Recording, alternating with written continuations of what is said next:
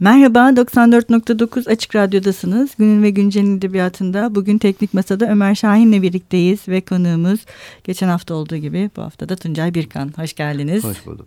Ee, Tuncay Birkan 1968'de İstanbul'da doğdu. Boğaziçi Üniversitesi İngiliz Dili ve Edebiyatı bölümünden mezun oldu. 1992-96 arasında ayrıntı yayınlarında, 2004-17 arasında Metis yayınlarında editör olarak çalıştı.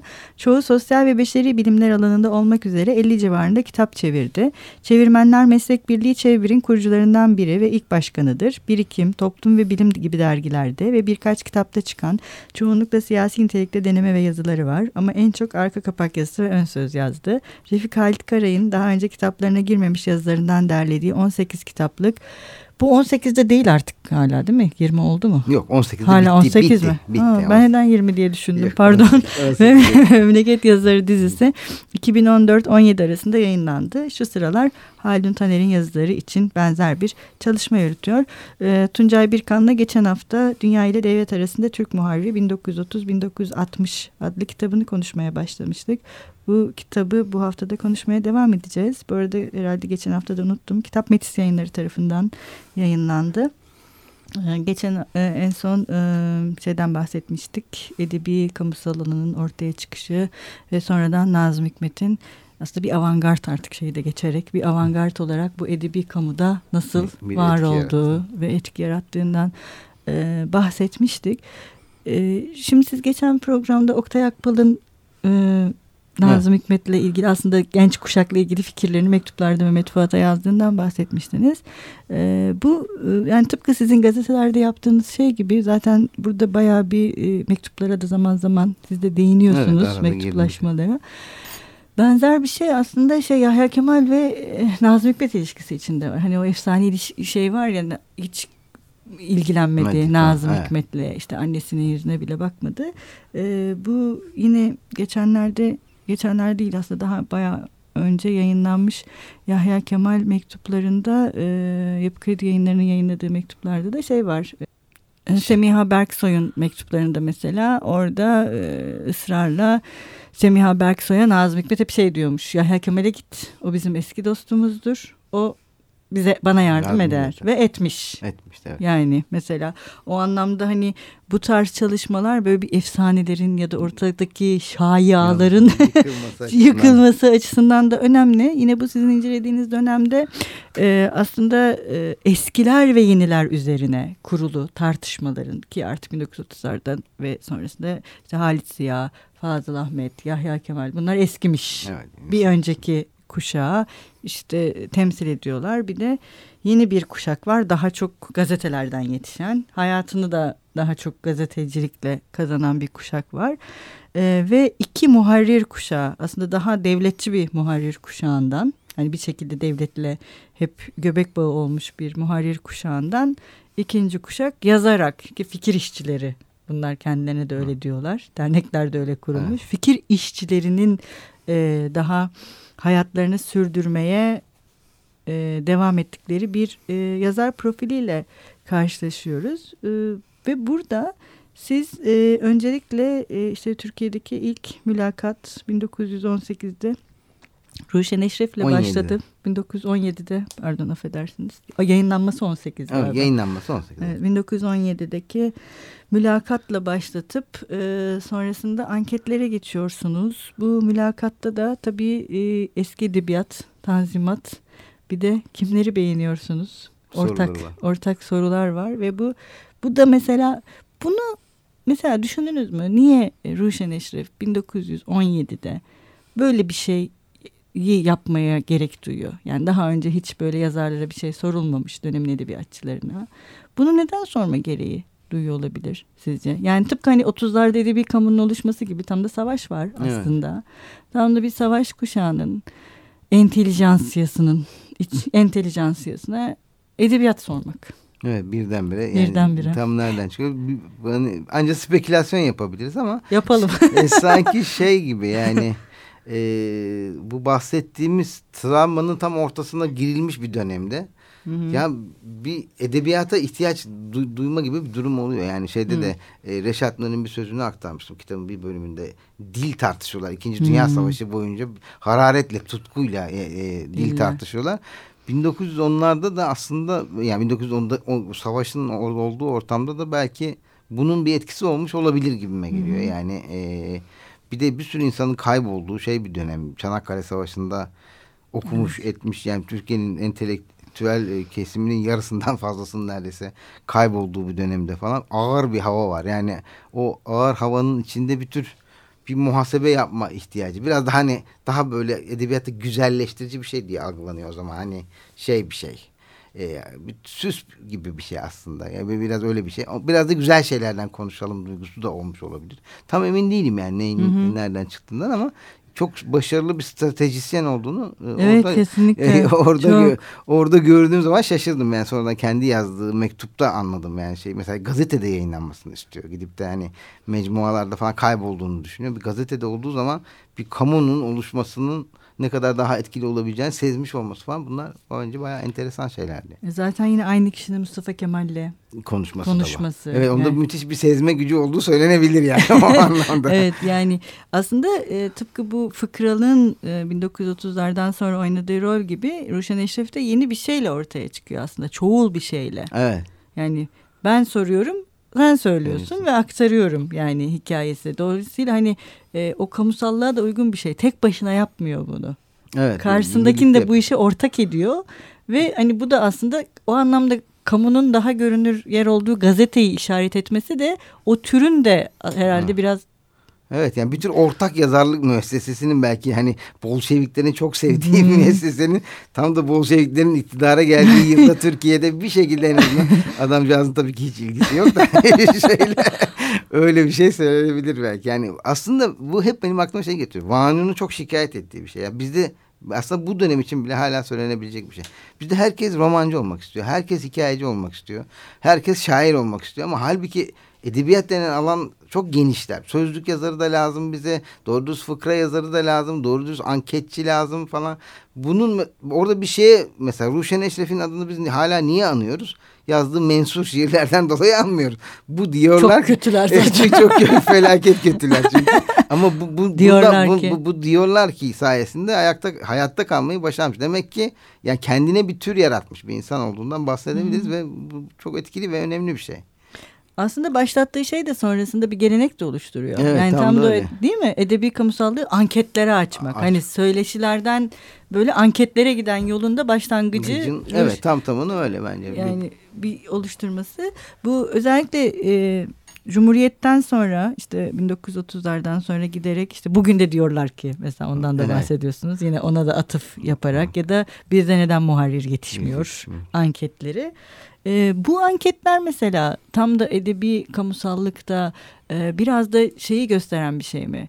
Hani sonuçta edebi orası bir alan ve o alanın içinde güçlüler var, güçsüzler evet, var. Hani evet. gençler ve yaşlılar evet, dışında, var. eskiler ve yeniler dışında.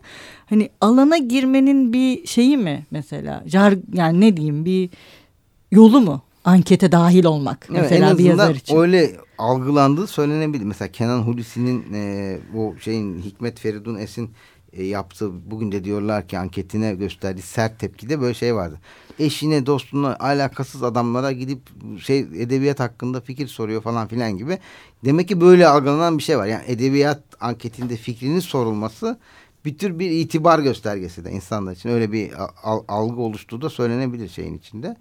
Ee, gerçekten öyle bir yanı var. Yani herkesin fikri sorulmuyor. Her yerde her, herkesin fikri her ortamda sorulmuyor. Bir sorulmanın e, orada sayılmanın bir yolu yani edebiyat kamusunda sözü görünür olmalı. Evet sözünün ağırlığı olan bir insan olarak görülmenin bir yolu. Yani o anlamda bir tür e, değer ve barem e, verme yeri de olduğu söylenebilir insanlara. Yani, şey. yani muharririn kamu edebi kamudaki pozisyonunu da belirleyen evet, bu, bir şey. Evet öyle öyle bir şey kesinlikle evet. bence. Ve ben bu kadar mesela ankete başvuracağımı hiç düşünmüyordum şeye başladığım zaman çalışmaya. Ama her bir yani her bir konuda tam böyle cuk gelen, cuk oturan şey oldu. yani bir anket, anket çıktı ve o anketler çok fazla şey öğretti bana. Ben çalış, üzerinde çalışırken özellikle milli edebiyat konusunda Hı, evet, e, çok çok fazla şey e, görmemi sağladı o anketler. Diğer başka konularda da öyle. Çünkü hepsi bir arada insanların bir arada konuştuğu aynı tema hakkında bir yan, yan, yan yana konuştukları şey çok fazla ipucu sağlıyor insana doğrusu. Evet e, şimdi yine bir ara verelim. Bu programda ne çalalım? Bir tango gibi bir şey çalalım. Olur. Aslında. Cumhuriyet tangoları. Evet. evet.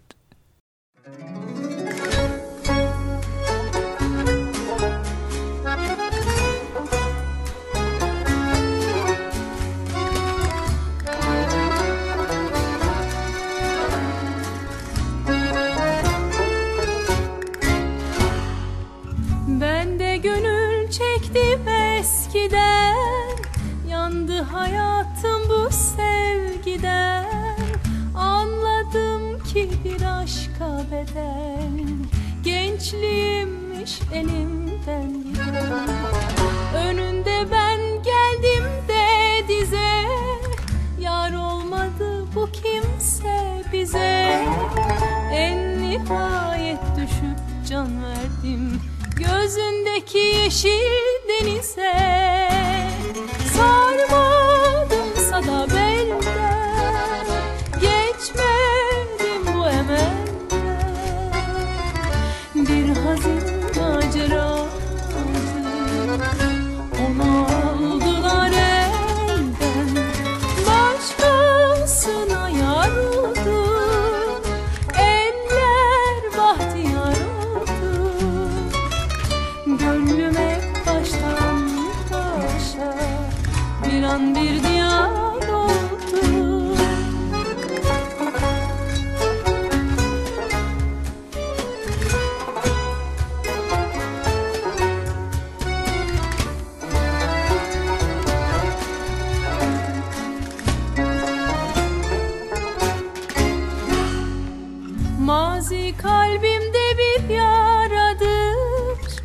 Bahtım saçlarımdan karadır. Beni zaman zaman ağlatan İşte bu hazin hatıradır. Ne göğsünde uyuttu beni Ne bu seyle avuttu beni. Geçti ardından uzun yıllar. O kadın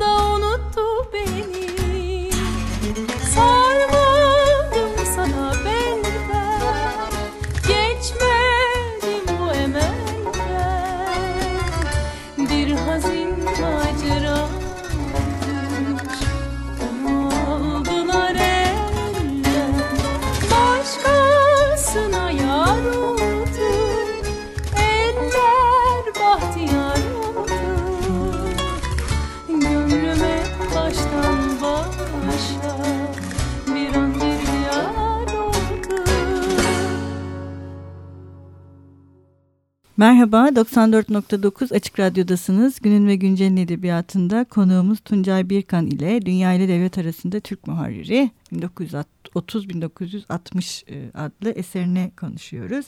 E, şimdi en son e, bu edebi kamudaki anketlerin varlığından bahsetmiştik. Hatta size demiştiniz ki yazarken ben bu kadar anketlere başvuracağımı evet, düşünmemiştim evet. aslında.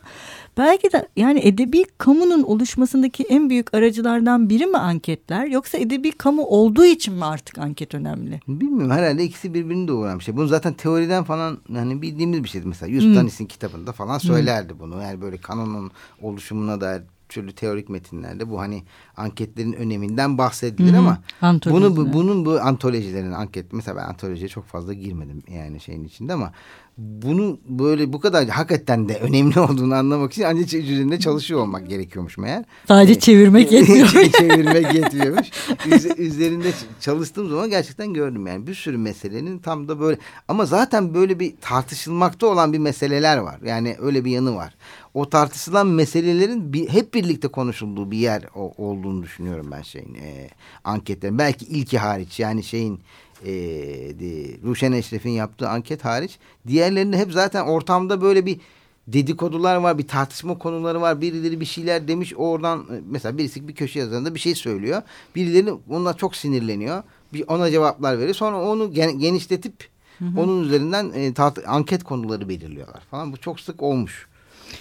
Evet ama burada yine hep sizin ilk programdan beri vurguladığınız bir şey var. Dünya. Yani Evet. ben sadece Türkiye diye düşünmedim bu hikayeyi. Zaten bu yazarlar da sadece öyle düşünmüyorlar. Nitekim onların böyle düşünmediğini de görmek hani sizin açınızdan birçok ön yargıyı kıran da bir şey olduğundan Evet, bahsetmiştiniz.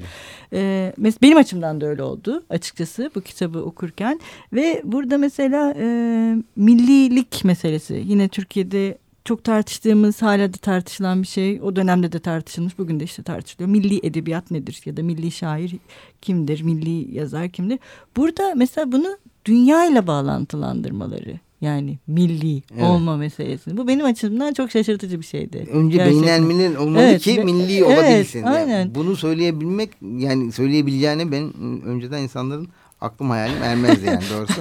Ama herkes söylemiş yani en beklenmedik evet, isimler evet, bile. çok ilginç. Gerçekten böyle şey. e, bu mesela e, sizi şey yaptı mı? Şöyle diyeyim bir araştırmacı olarak bu işin içine girdiğinde, girdiğinizde sizi şaşırttı ama hani ben mesela şeyi de hissettim bu siz kitabınızı okurken böyle dönemle bayağı bir e, sizi memnun etmiş bu dönem. Evet öyle oldu. öyle yani oldu. hemhal olmak demiyorum Evet. yani böyle bulduğunuz şey sizi bir araştırmacı olarak memnun evet, etmiş. memnun etmiş. Yani çünkü öbür türlüsü bana biraz şey geliyor. Yani insanın bir araştırmayı yaparken o döneme sövüp saymak için işte o dönemde şöyle totaliter eğilimler vardı, şöyle Hmm. milliyetçilik vardı, şöyle ırkçılık vardı. Bizim çok uzun zamandır Kemal Kemalizm başlığı altında değerlendirilen böyle bir 20-30 sene var ve orası her türlü melanetin, her türlü ufunetin kaynağı gibi bakılıyor. Yani Türkiye'de tarihinde sanki ondan önce güllük şey insanlıktı, gibi. ondan sonrası da müthişti falan gibi bir şeyle. Ee, öyle bakıldığı için de o zamana göre yazılan şeylerde sürekli böyle bir bezdiricilik var. Yani ben öyle bir araştırma yapmanın hikmetini anlayamıyorum. Yani bütün gün ideolojik olarak ne kadar da sakat yerde, ne kadar da acayip ve ilkel düşüncelerle dolu insanların e, olduğunu göstermek için araştırma yapmak bana çok anlamsız ve manasız geliyor. Ben oradan bir şey öğrenmeyeceksem yani çalış, üzerinde çalıştığım dönem hakkında bir şey yapıp da or, o, oradan bir geri dönüş almayacaksam ben bunu niye yapıyorum zaten? Yani onun bir- hiçbir anlamı yok bence. O bence biraz ideologluğa geliyor doğrusunu Evet, söylemek doğru, gerekirse. doğru. Ara, araştırmacılıktan çok. Ee, ama böyle bak baktığınızda gerçekten e, dediğiniz gibi oldu. Çok şey öğrendim. Çok da mutlu oldum yani bu öğrendiğim Evet. şeylerden. Bu bir de sizin dediğiniz o beynel minelliğe vurmalı şey, ver, gitmelerinin dışında milliden çok edebiyatın kendisini vurgulamalıdır mesela yine. Evet. Çok önemli. Yani milli, milli. Önce bir edebiyat olsun o milli olur zaten.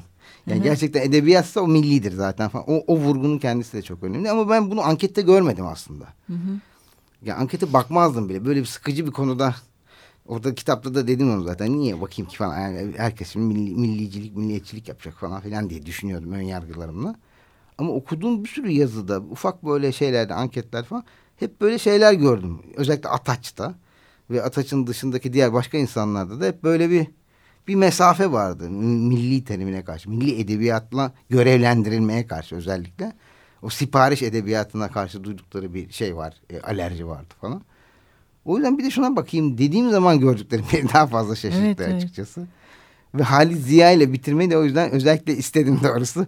Mesela Ahmet Hamdi Tanpınar'a başka ortamlarda çok fazla saygı duyuyoruz hepimiz ve çok fazla vurguluyoruz. Ama burada mesela onun konumunun bir tür gerileme olduğunu özellikle gö- göstermek de isteyerek önce ona gidip sonra tekrar Halit Ziya ile bitirmek istedim doğrusu. Evet e, o anlamda zaten kitabın yazılış yöntem aslında siz tabii doğrudan bir metottan bahsetmiyorsunuz. Evet. Hani ona özellikle karşıda çıkıyorsunuz ama o anlamda kitabın e, kendi içinde böyle e, hani mesela otu- 30'ların ortasından başlamak ya da kronolojik bir şey izlemek yerine bilerek o kronolojiyi bozmak ve aslında tam da o kronolojiyi bozduğumuz anda yeni konumları fark edebileceğimizi sağlamak. Hani bu kitabın bu anlamda e, hani yazarı konumlandırırken e, sadece gazetelere bakmıyorsunuz aslında. E, baktığınız yerde tamamen e, kronolojiyi bozan bir şey. Evet çünkü kronolojiyle çok fazla şey anlaşılamıyor bazen yani. Evet. Mesela kronolojik gitmek şey gibi bir yargıya da sebep olabiliyor ya. Önemli tarihi olaylar. Evet. Önemli tarihi Şey- olayların edebiyattaki aksi. Bu şeye getiriyor. Yani dışarıda bir dünya olmuş bitmiş böyle genelde bizde bağlamsalcı eleştiri denen şeyden şey, anlaşılan şey özellikle 50'lerde. Demokrat Parti iktidara geldi. Amerikan şeyci Amerikancılık arttı bilmem. Bunları önce sıralarsa sıralarsınız. Sonra birdenbire bir yazarlara yazarsınız. Onlar şunları şunları yaptı. Sonra bunların birbirlerini açıkladığını varsayarsınız. Bu böyle bir açıklama olmuyor. Yani Olmuyor. açık e, asıl e, o bağlam denen şeyi oradan alan yazarların kendi yaptıkları önemli. O bağlam ancak o zaman bir anlam taşıyabiliyor bence. Yani biraz edebiyat teorisiyle ilgili meseleler bunlar ama ben bütün bu işleri zaten edebiyat teorisine duyduğum coşkulu ilgi yüzünden Evet. girdiğim söylenebilir yani. Evet, iyi ki girdiniz. 20 20'li yaşlarımdan itibaren oku- okumalarla falan öyle öyle bir yanı var yani doğrusu. Aslında bu şeyi de beraberinde getiriyor. Hani o zaman e, açıklanamaz olan şey de açıklanabilir hale geliyor. İşte biraz önce bahsettiğimiz gibi bağlamdan koparılmış bir şekilde edebiyat tarihine ya da yazara baktığınızda yani o senaryoya uymayan bir şey yazdığında ya da hayatının bir döneminde o senaryoya uymamışsa hemen oraya bir şey yapıştırmak. Evet. Y- Yine sizinle Refik Halit'te de konuşmuştuk hani Refik Halit'in yıllar boyunca hani Kemalizme karşı ve işte Kemalist ideolojide asla ba- barışamamış e, birisi olarak yıllarca hani görülüp bu şekilde lanse edilmesi ve e, biraz ben kötü niyetli miyim bilmiyorum ama o yüzden mi bu eserler ortaya Evet, bir- çıkmıyor bir- diye bir- de bir- biraz öyle bir yanı var bence de. yani. birçok yazarın eseri ortaya çıkmıyor diye düşünmüyor e, değilim. Tabii sizin burada kendi edebiyat eleştirisine ve teorisine duyduğunuz coşkunun e, birçok yansımaları da aslında kitaba yansıyor. Biraz önce bahsettiğim şey tabii e, Harold Bloom falan da var ama mesela ben şey düşündüm. Sizin takım yıldızları gibi düşünmek bunları. Farklı takım yıldızları. Tam Evet. Walter Benjamin'i sevdiğinizi evet, evet. biliyorum. Ona da çok ama bunları bu şekilde bir takım yıldızı halinde konumlandırabilmek de aslında bunu yazan kişinin şeyi mahareti. Bunu da unutmamak lazım. Teşekkür Değil mi? Olun. Herkes o takım yıldızlarını o şekilde oluşturamaz diye düşünüyorum. Çünkü bir anlamda çok da zor bir şey. Yani 30 yıl gibi bir süreçten bahsediyoruz. Ve, Ve bu- çok dev bir malzeme yığınından olduğundan Evet, da evet. bahsedebiliriz. Yani bu benim kitapta kullandıkları mesela ben kitabın sonuna kaynakça koymak istemedim özellikle. Yani sadece dipnotlardaki ve şeylerde kitabın içinde verdiklerim yeterli olsun. En aşağı bir 30 sayfada o ekleyecekti. Kitaba yani zaten yeterince kalın bir şey. Bir de onun akademik de bir çalışma yapmamanın avantajıyla yani onu onu koymak istemedim. Ama o 20-30 sayfalık şey benim okuyup ilgilenmek zorunda kaldığım malzemenin belki de onda biri yani. Değil mi? Yani inanılmaz devasa miktarda bir malzeme vardı. Ben zaten bunların altından nasıl kalkarım diye hep düşünüyorum. Bu şey vardır George Eliot'un e, Middlemarch romanında Kazabon diye bir karakter vardır. Hmm. Bütün mitolojilerin anahtarı diye bir kitap yazmaya çalışır hayatı boyunca. Malzeme toplar toplar toplar toplar toplar sonra evlenir mevlenir zavallı bir kız kızcağız onu bir şey zanneden bir kızla.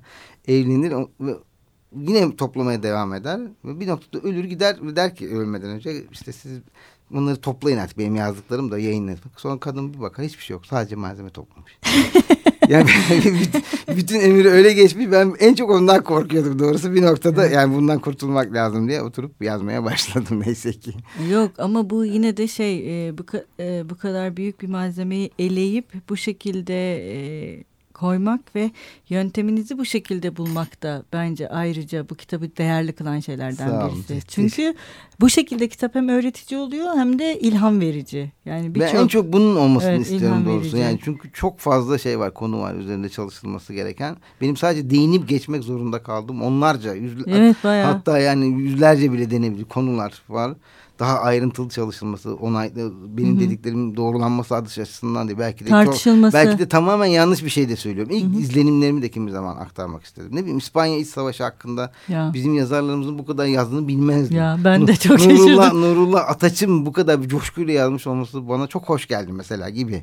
Buna benzer birileri çalışsa ne kadar güzel olur dediğim konuları da bol bol kullandım Evet, yani. evet, ona hepsini not aldım ben. İnşallah. Çalıştıracağız inşallah. İnşallah öğrenci Evet. Çok teşekkür ederiz Tuncay Bey. Çok sağ sağ, olun. çok sağ olun. Hoşçakalın. Görüşmek üzere.